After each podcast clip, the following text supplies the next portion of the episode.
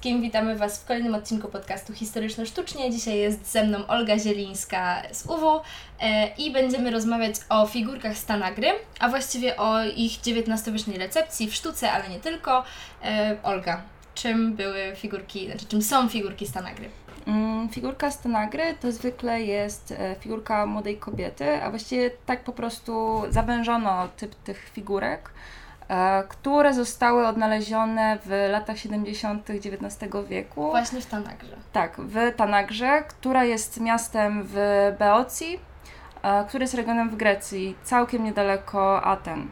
E, I figurki tego typu, figurki koroplastyczne, które jakby są taką małą sztuką rzemieślniczą, przedstawiają właśnie postacie, jeżeli mówimy o koroplastyce, Um, one... Jakbyś mogła ten termin, myślę, że wyjaśnić, bo ja sama nie do końca wiem, Koroplastyka. Tak. E, to jest taka dziedzina e, rzemiosła, e, która jakby obejmuje właśnie figurki, jakby e, przedstawienia figuralne e, ludzi zwykle. Wydaje mi się, że zwierzęta już do tego nie należą. E, tak, to są zwykle po prostu przedstawienia figuralne, mhm. które są e, drobne i wydaje mi się, że są najczęściej z terakoty, czyli z wypalanej gliny.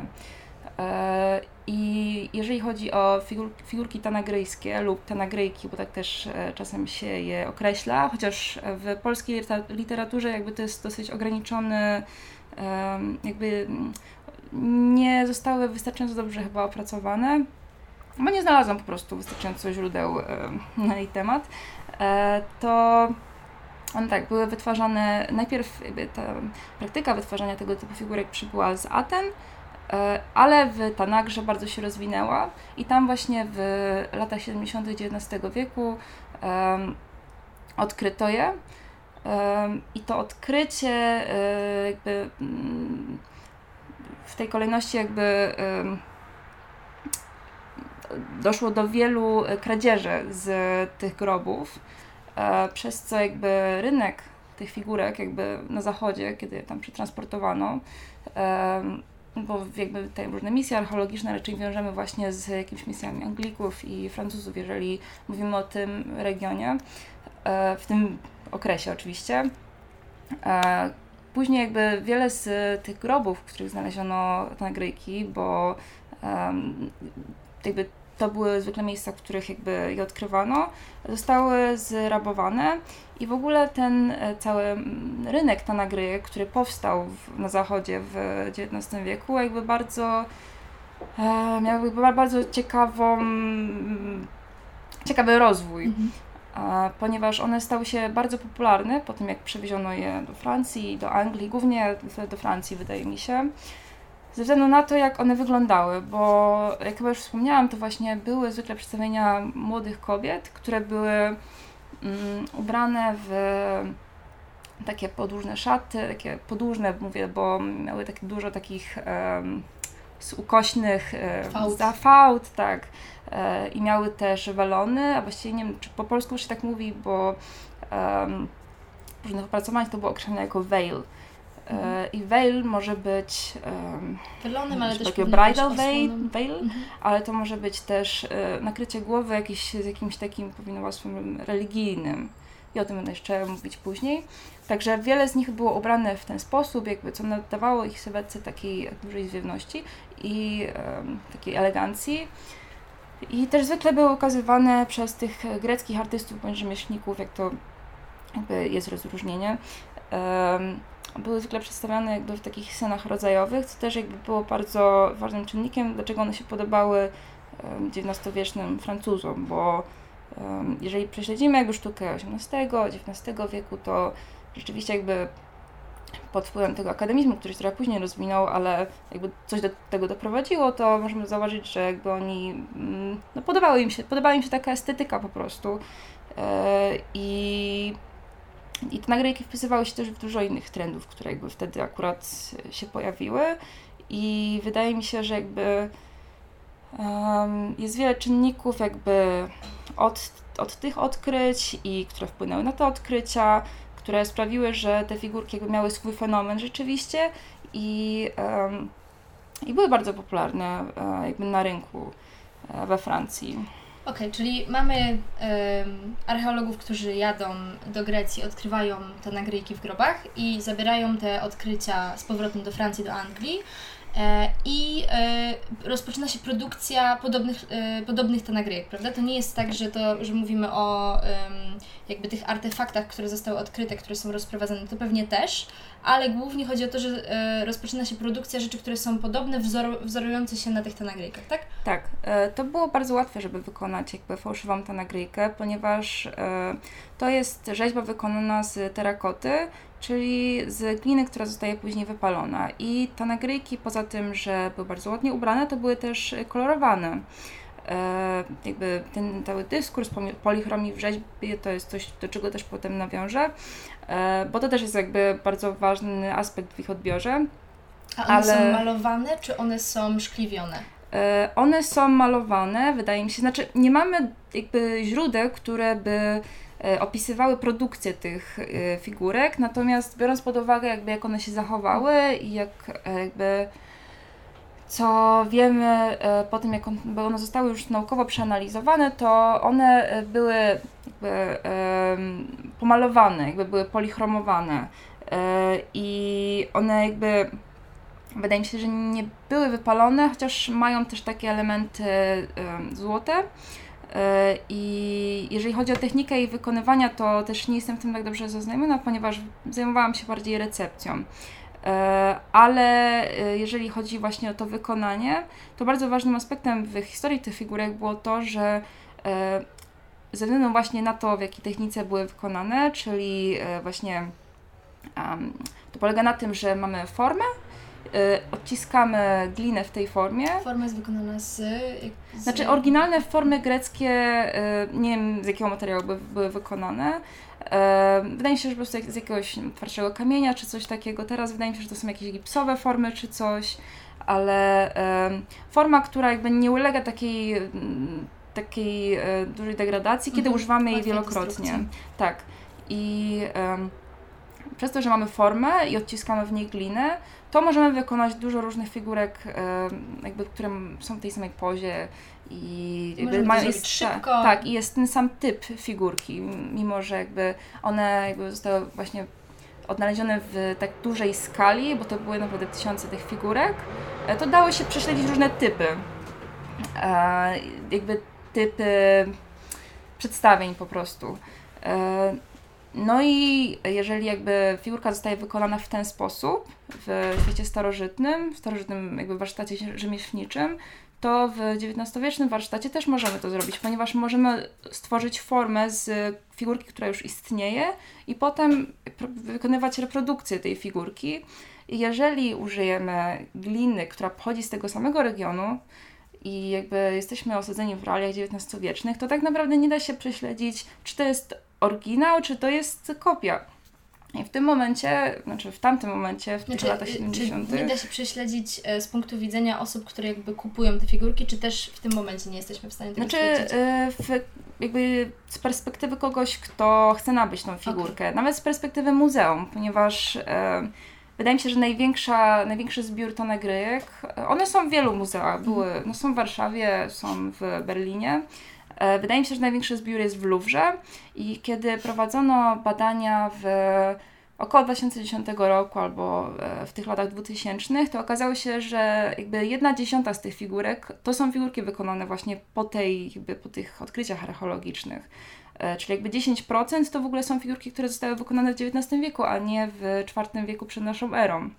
Więc jakby um, Louvre jakby zakupił dużo po prostu fałszywych figurek, ponieważ wówczas nie dało się za bardzo tego sprawdzić i nie zawsze chyba prowadzimy jakieś badania jakby materiałowe, jakby egzaminując jakby wszystkie te nasze eksponaty, które mamy w muzeum, więc po prostu jeżeli nie dało się tego zobaczyć gołym okiem, to uznali to za figurki, które swoją drogą, jeżeli, jeżeli to jest figurka wykonana pod koniec XIX wieku, to też jest jakiegoś swego rodzaju jakby artefakt.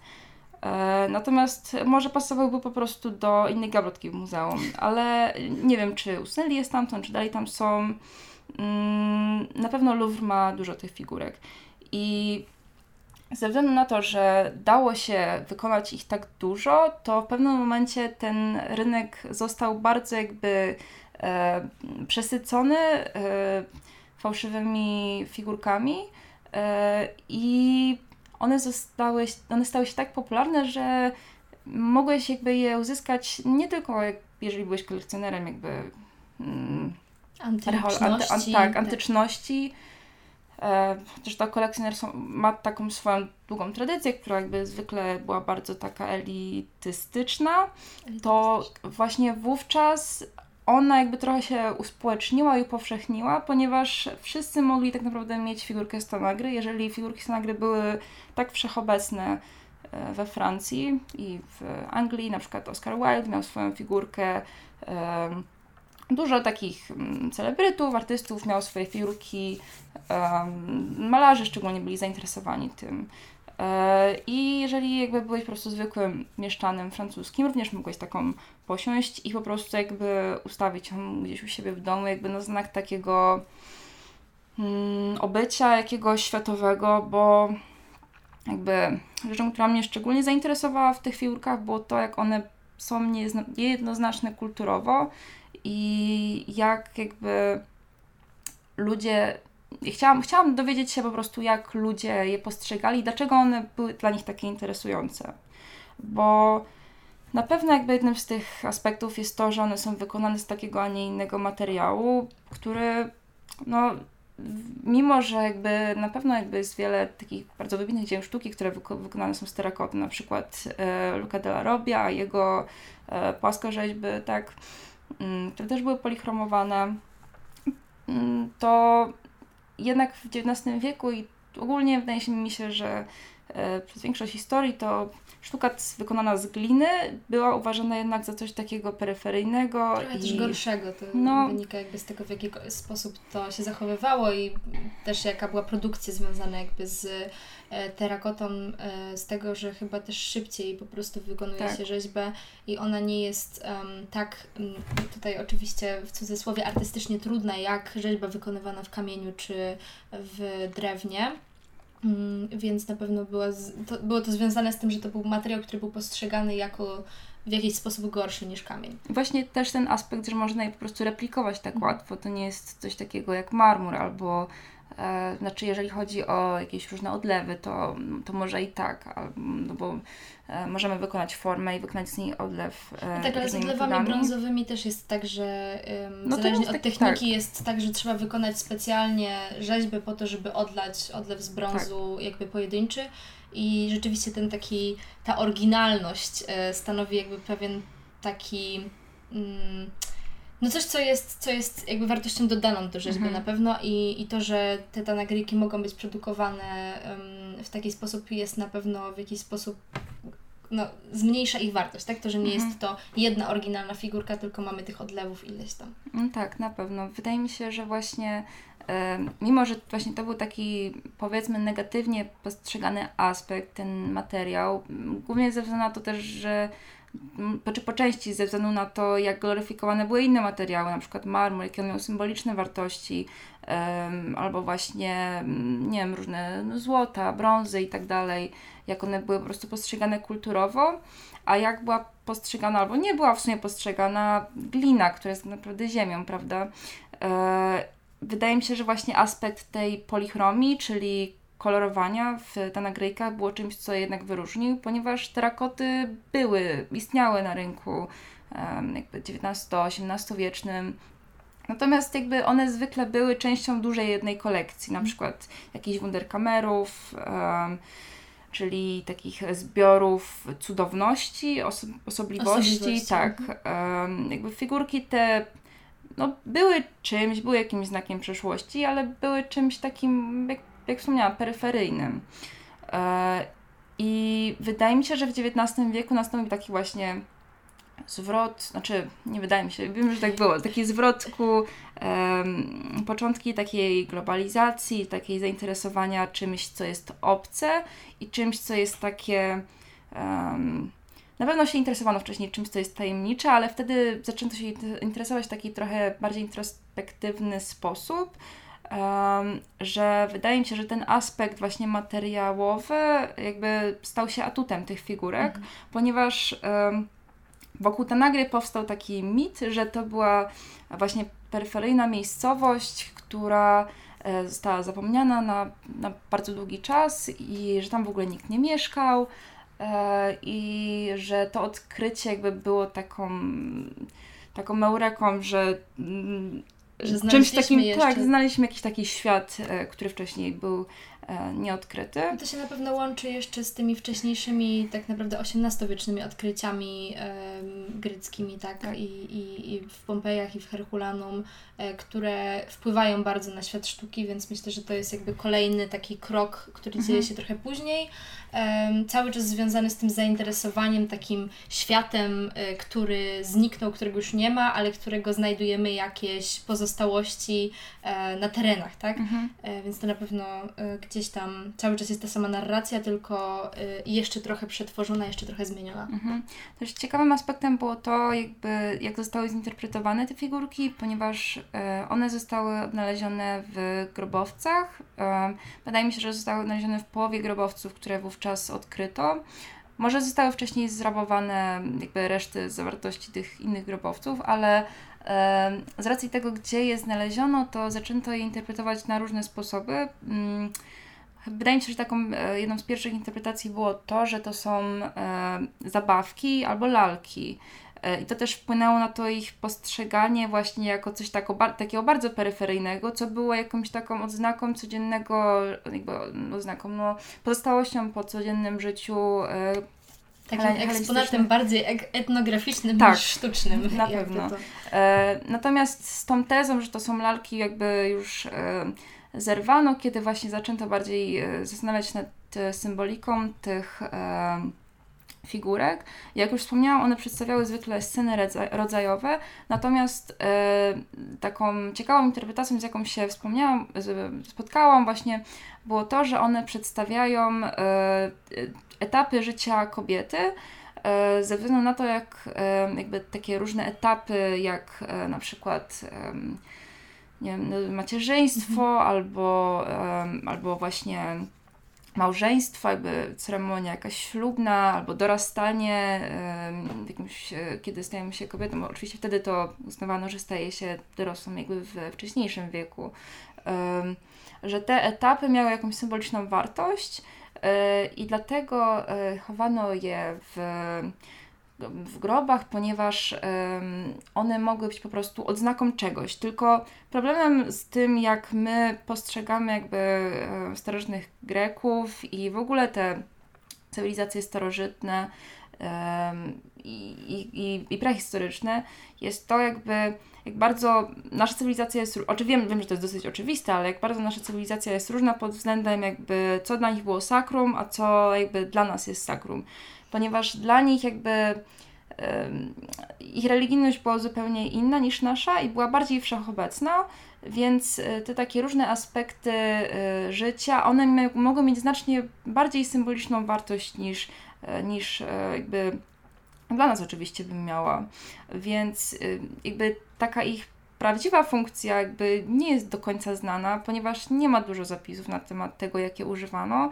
E, wydaje mi się, że one mogły być po prostu naturalną częścią codziennego życia, e, tego bardziej związanego już z ceremoniałami, z właśnie pochówkiem i takimi rzeczami. E, ale no nie wiem, no to jest, wydaje mi się, że to jest rzecz po prostu, która wymaga może dalszych poszukiwań, bo mimo, że my nie bylibyśmy w stanie jakby odczytać na, naprawdę ich znaczenia przez to, przez tą jakby cywilizacyjną jakby ten przeskok, to e, jakby może poprzez właśnie takie artefakty jak te nagrywki moglibyśmy się chociaż jakoś do tego zbliżyć, jakby, yy, żeby poznać jak to rzeczywiście wyglądało. To jest bardzo według mnie ciekawe. Mhm. To jeszcze wróćmy teraz już do samych figurek e, i tego, w jaki sposób one wyglądają, e, ponieważ one mają mm, stosunkowo takie pastelowe kolory, prawda? Mhm. Jeżeli myślimy o terakocie, to ja, mi, mi- ja myślę o takim brązowym kolorze, czyli tutaj ten e, aspekt barwnika będzie, myślę, że ważny dla e, po prostu popularności e, Mhm. tych figurek, tak? No bo Tak. myślę, że gdyby one nie były pomalowane, to na pewno mniej, mniej popularne by się stały. Tak. E, I, I gdybyś mogła coś powiedzieć, czy te figurki, które są odnalezione, widać na nich polichromie i czy one, jakie one ma kolory i w jaki sposób malowane są te figurki, które są tworzone w XIX Mhm. wieku. Tak, będziemy używać właśnie słowa polichromia i to mając jakby y, na myśli, bo może po prostu niektórzy nie wiedzą, to jest po prostu e, nakładanie mm, barwnika, nakładanie farby na jakieś elementy zwykle chyba architektoniczne lub rzemieślnicze.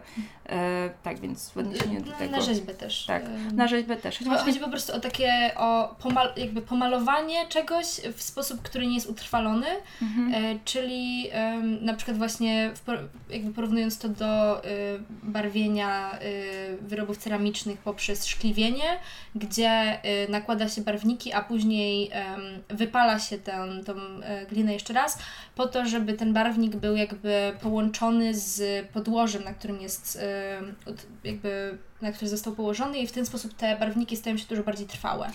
Tak, wydaje mi się, że to była metoda produkcji tenagry, chociaż jak już wspomniałam, y, z samą metodą, y, poza takimi naukowym, naukowym podejściem, to nie mamy opisów, tak jak Mhm. w- jakby później y, otrzymaliśmy jakby w historii, historiografii sztuki y, różne opisy technik wykonywania jakby rzemiosła i tak dalej, to w tym świecie antycznym raczej szczególnie jeżeli to był jakiś taki element życia codziennego, to nie zawsze mm, wiemy, jak to powstawało.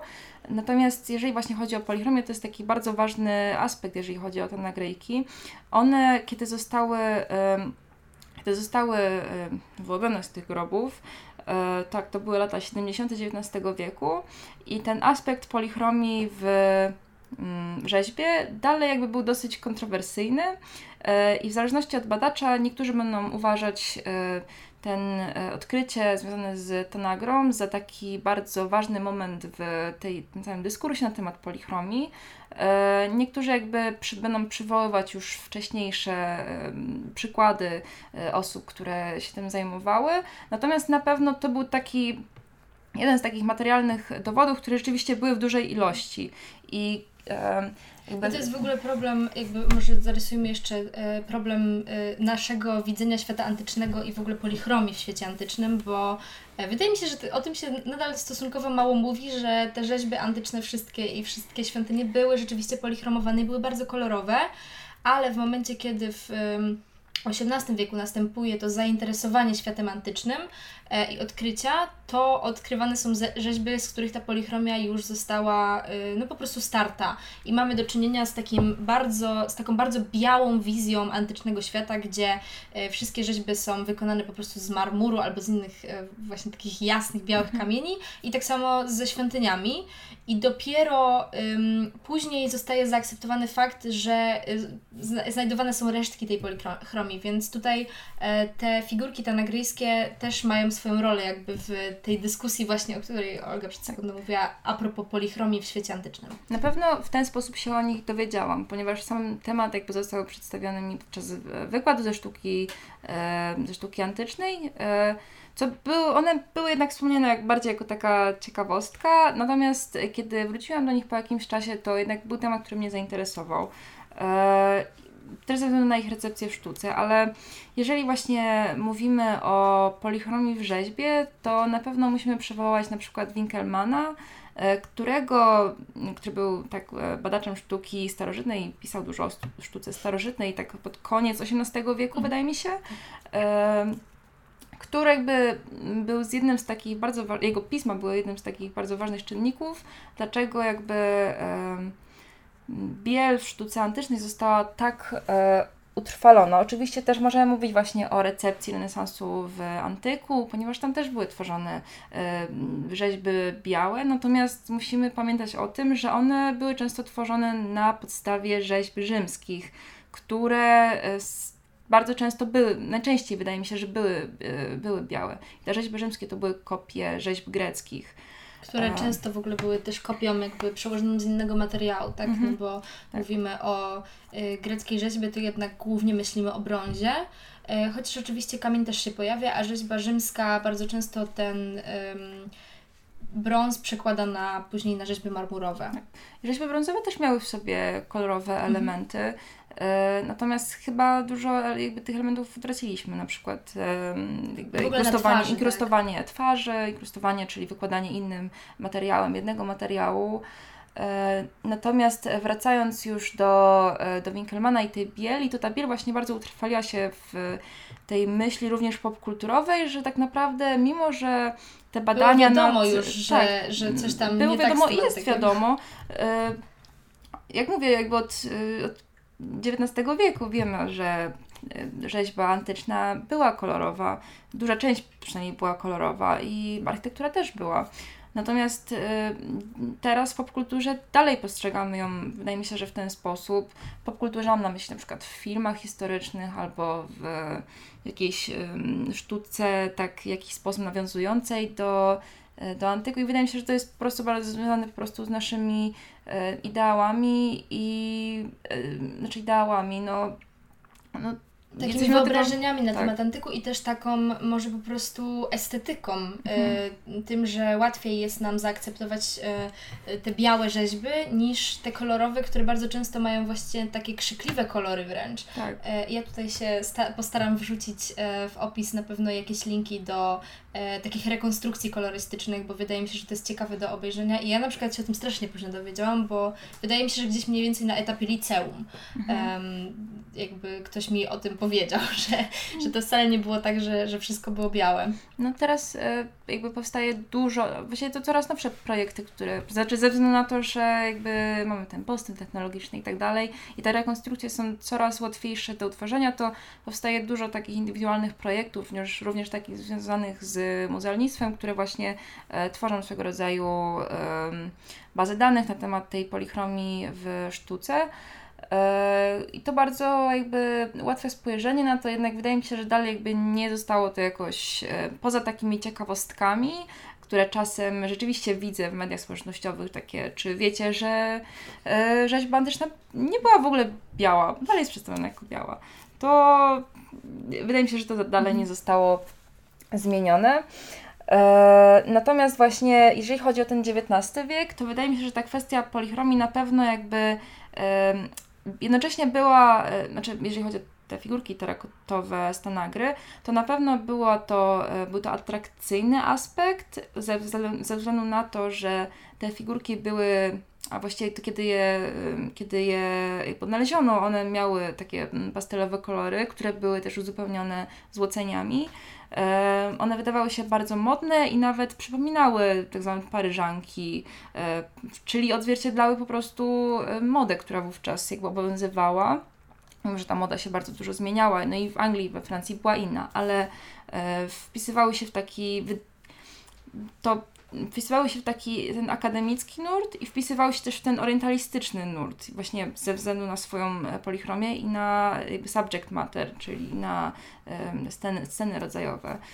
E, I ta polichromia to było coś, co wówczas nie dość, że było kojarzone z czymś peryferyjnym, to wręcz z czymś niebezpiecznym.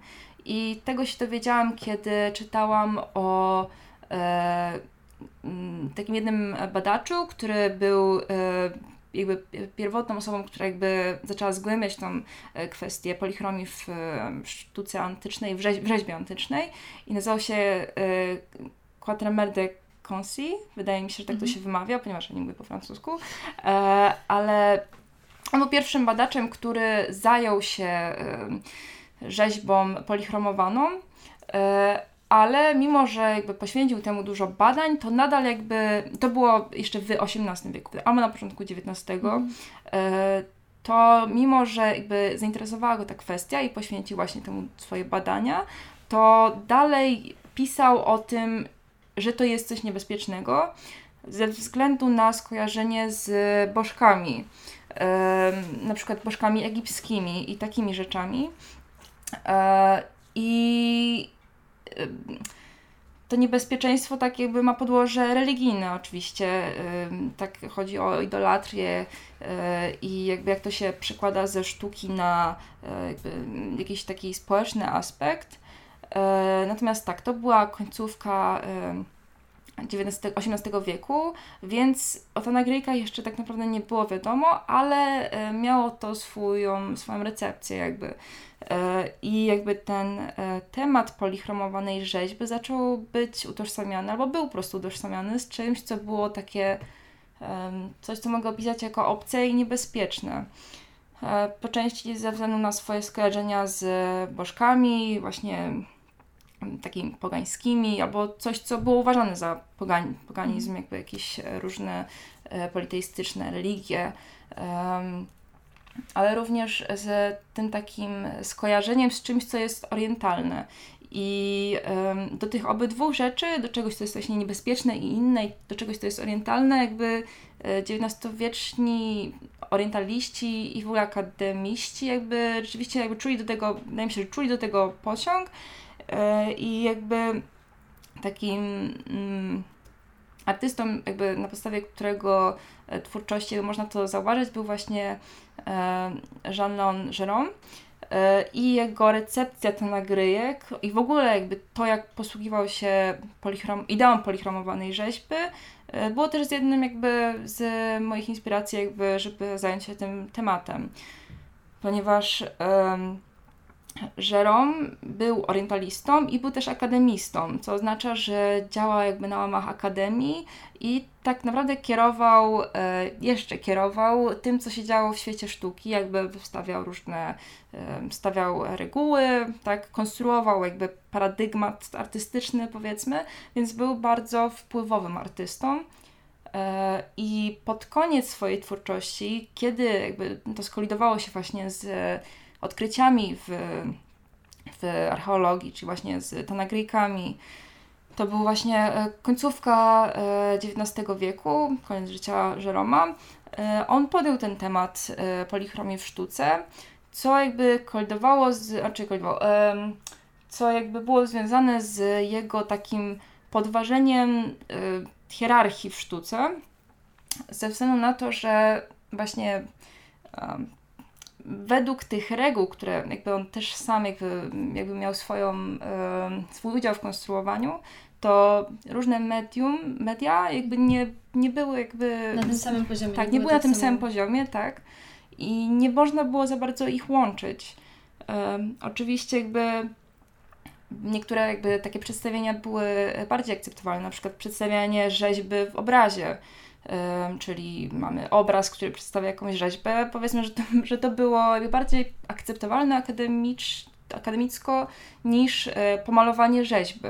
Tak, bo tutaj dochodzimy jakby do tego sporu, który się ciągnie tak naprawdę od antyku tak. przez bardzo mocno e, jakby renesans do, do właśnie sztuki akademickiej, gdzie on wybucha na nowo paragonę, tak. czyli um, sporu o wyższość sztuk. E, tego artyści się kłócili, czy malarstwo jest lepsze od rzeźby, czy rzeźba jest lepsza od malarstwa e, i próbowali sobie w ten sposób um, jakby dogadać się i, i, i wykazać, że e, rzeźba jest lepsza albo że malarstwo jest rzeźba. Oczywiście w zależności od tego, czy artysta malował, czy rzeźbił, to uznawał, że malarstwo lub rzeźba jest, jest lepsza. E, ale to jest temat e, rzeka, mhm. tylko jakby zaznaczamy, że to jest cały czas trochę pokłosie właśnie tego, tego sporu. To, że no nie można pomalować rzeźby kolorami, no bo wtedy jakby zaburza się trochę takie, takie jej... Um, też jej naturalność, tak? Jakby mhm. to, to, co ona ma i wtedy odbiera się trochę coś malarstwu, no jakby łączy się też te dwie sztuki, które teoretycznie ze sobą w jakiś sposób rywalizują. Tak, to było też jakby m, mm, taka polichromia artystyczna, jakby rzeźbiarska była czymś, co bardzo wybiegało poza te akademiczne, akademi... akademickie. Przepraszam, mhm. jakby mówisz tak dużo, ale poza te akademickie standardy, ponieważ to było coś, co jednak nie kojarzymy tego ze sztuką zachodnią, albo tego, co jest, e, co my skonstruowaliśmy jako takie pojęcie sztuki zachodniej, e, która jest raczej, mm, ma konkretne reguły i ma konkretną estetykę. E, I to jest bardzo ciekawe, że Jerome właśnie pod koniec swojego życia on zaczyna to w pewien sposób kwestionować, no bo jak już wiemy, jakby pod koniec XIX wieku mamy już dużo takich nurtów artystycznych, które powoli jakby e, idą w opór Akademii. E, I Wiemy, że Jerome był akademistą, więc jakby je, możliwe, że to jeden jego zwrot właśnie ku jakby różnym mediom, które sobie zaprzeczają i jakimś takim, jakiejś takiej próbie właśnie odnalezienia się w czymś, co jest zupełnie inne niż dotąd jakby było ustanowione przez zasady, może być pewną odpowiedzią właśnie na to, co się działo wówczas w świecie sztuki. E, I jakby, ponieważ pod koniec swojego życia jakby Jerome jakby ktoś mu, jakby to powiedzieć, jakby zszedł z łask i jego opinia nie była już jakby w takim wysokim poważaniu, jak była kiedyś. I jeżeli chodzi właśnie o to, jak on się tym zajmował w swojej sztuce, to podejmował temat właśnie tanagryjek, konkretnie tanagryjek. Właśnie mówiłam o tym takim korelacji czasowej e, z tych wydarzeń. E, podejmował właśnie temat tanagryjek, kiedy, kiedy zajmował się rzeźbą polichromowaną.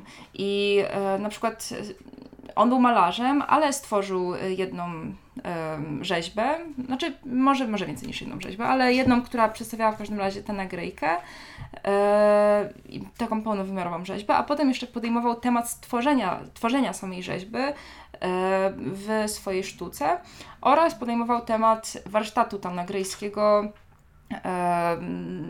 takiego jakiego, jaki on go widział. Natomiast e, o ile te obrazy są piękne i może wyglądają po prostu jak e, sceny rodzajowe, takie bardzo akademickie, to e, jakby spróbowałam jakby spojrzeć na, nie, na nich w taki, taki bardziej krytyczny sposób, ze względu na to, że Jerome był orientalistą. I to jest coś, co raczej jakby my teraz rozpoznajemy na podstawie tych różnych postmodernistycznych nurtów, które jakby od około lat 70. zaczęły się pojawiać w naszej literaturze humanistycznej, e, ponieważ e, jakby bardzo widoczne jest y, spojrzenie Żeroma, albo raczej jego perspektywa w tym, jak przedstawia Tanagrę e, i w tym, jak przedstawia jakby świat orientalny, który mhm. jakby, jeżeli, kiedy mówimy o tym świecie orientalnym, to najczęściej mam na myśli Bliski Wschód, ale również, również Azję, co może się najbardziej kojarzyć.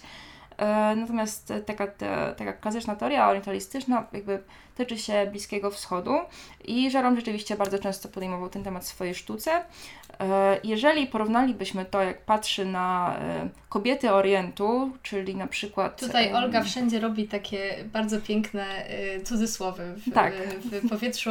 To mówię dla osób, które ewentualnie słuchają na Spotify'u i właśnie zamierzają pójść na YouTube. Tak, ponieważ nie mówię o Oriencie w taki poważny sposób. Ja wiem, to jest bardzo sproblematyzowane i jeżeli mówię o kobietach Orientu, to Mam... Chodzi nam o konstrukt jakby, który mm, istniał w tamtym czasie i który został jakby nazwany właśnie później przez postmodernistów i określony jako takie zainteresowanie właśnie Orientem jako jakimś takim konstruktem, e, mm, który właściwie nie za dużo miał wspólnego z tym, jak e, te kraje wyglądały, tylko bardziej był jakby czymś takim wyobrażeniem wytworzonym przez e, osoby działające w tamtym czasie w ogóle przez jakby y, kulturę tamtego tak. czasu. Szczególnie wydaje mi się, to dotyczy, to dotyczy się właśnie kobiet y, przedstawionych w tych y, obrazach, ale też właśnie ten, takiej fetyszyzacji też trochę y, tych kobiet. Tak. E, to też właśnie możemy powiedzieć jakby w kontekście tego czegoś innego u Żeroma, jeżeli spojrzymy, jeżeli porównamy jego jakąś scenę, która na przykład jest w, w łaźni jakiejś takiej um, bliskowschodniej, są takie sceny, e, albo kiedy mm, porównamy to do um, jego obrazu, który przedstawia jakby tanagryjski warsztat, to możemy zobaczyć, że te obie sceny są bardzo takie um, zromantyzowane i co mam na myśli, oczywiście nie mam na myśli nurtu romantycznego, ale mam na myśli takie, e, takie bardziej sfetyszyzowanie tego, w sensie jest, jakby my patrzymy perspektywą Żeroma, który e, oczywiście namalował obraz i który zagląda do tego świata, w którym są same kobiety, e, które zajmują się po prostu tym, czym prawdopodobnie po prostu się zajmowały. Natomiast e, to jest taki, tak jest takim swoim życiem codziennym, wytwarzaniem jakby, jakby tego, jakby co jest przenoszone do ich kultury, e, ale są bardzo często przedstawione w taki bardzo dziwnie erotyczny sposób e, i, i w taki mało poważny sposób. E, I to jest trudne do wytłumaczenia, jeżeli nie mamy tych obrazów po prostu przed oczami. Tak, jeżeli ktoś słucha, e, to może sobie wygooglować, oczywiście, ale też zapraszam na YouTube, gdzie na pewno, jeśli nie na ekranie, to na pewno w opisie będą, będą linki. Mm, dużo mówi to, że po prostu Żylon był zainteresowany tymi obydwoma e, tymi obydwoma scenami, tymi obydwoma jakby światami jednocześnie, ponieważ one powstają jakby w małych odstępach czasowych od siebie. E, jakby jeżeli jakby ten, to jego zainteresowanie e, było takie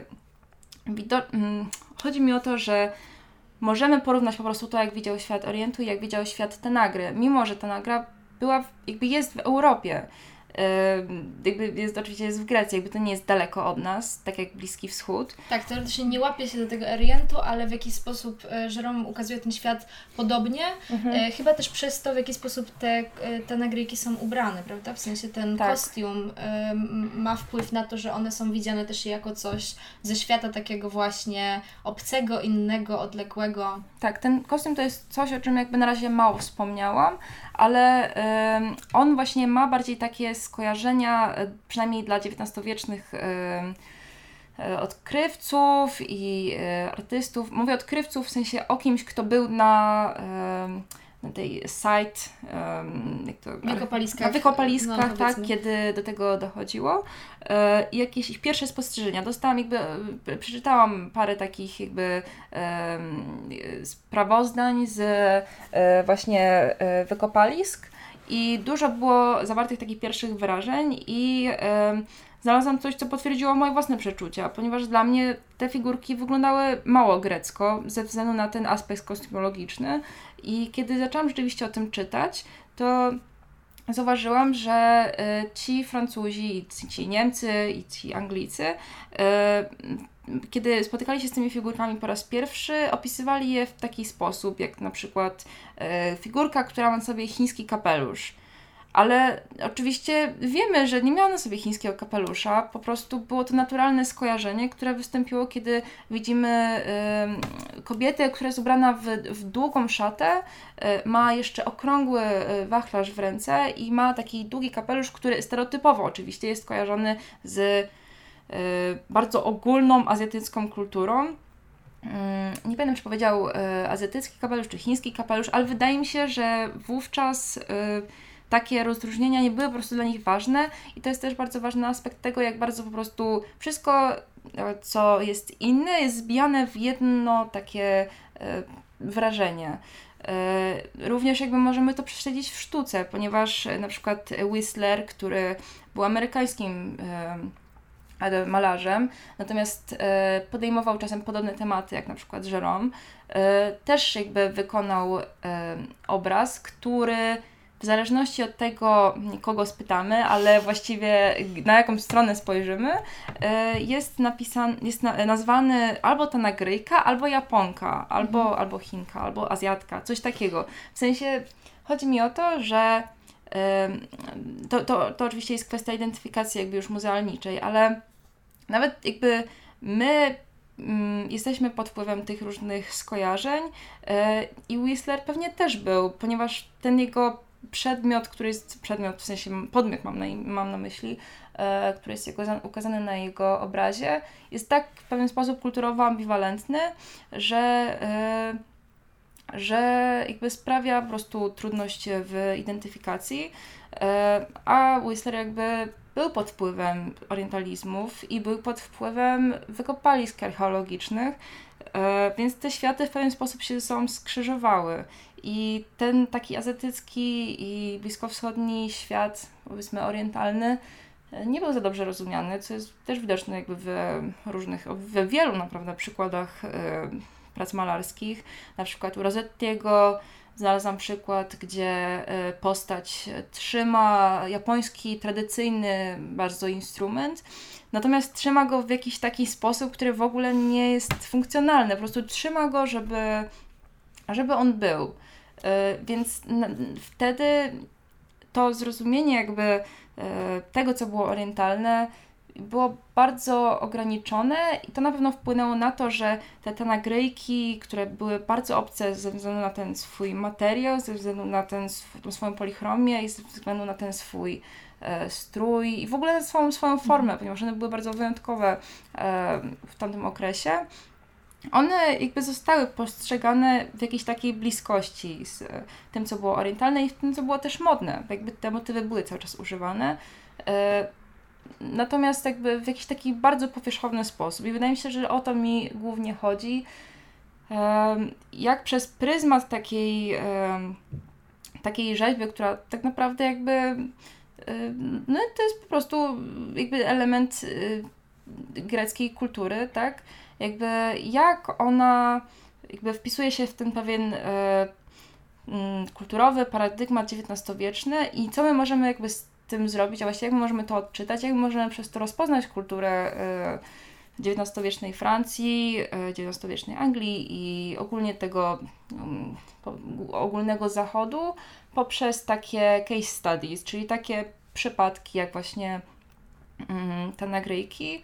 E, I to bardzo, jakby ten temat bardzo, wydaje mi się, że jest czytelny, jeżeli spojrzymy właśnie na pisma, znaczy pisma, na myśli jak, twórczość e, takich postmodernistycznych e, twórców, jak na przykład właśnie Butler albo Said, którzy e, jakby mm, prowadzili rozróżnienia tego czegoś, co jest inne i zauważyli to właśnie konstruowaną opozycję czegoś, co jest właśnie inne, obce i nieznane i do czegoś, co jest jakby nasze. Mm, I w zależności od teorii, jakby to może być wieloznaczne. Natomiast e, właśnie mi jakoś, ja osobiście zauważyłam tą korelację w, w przypadku tych figurek.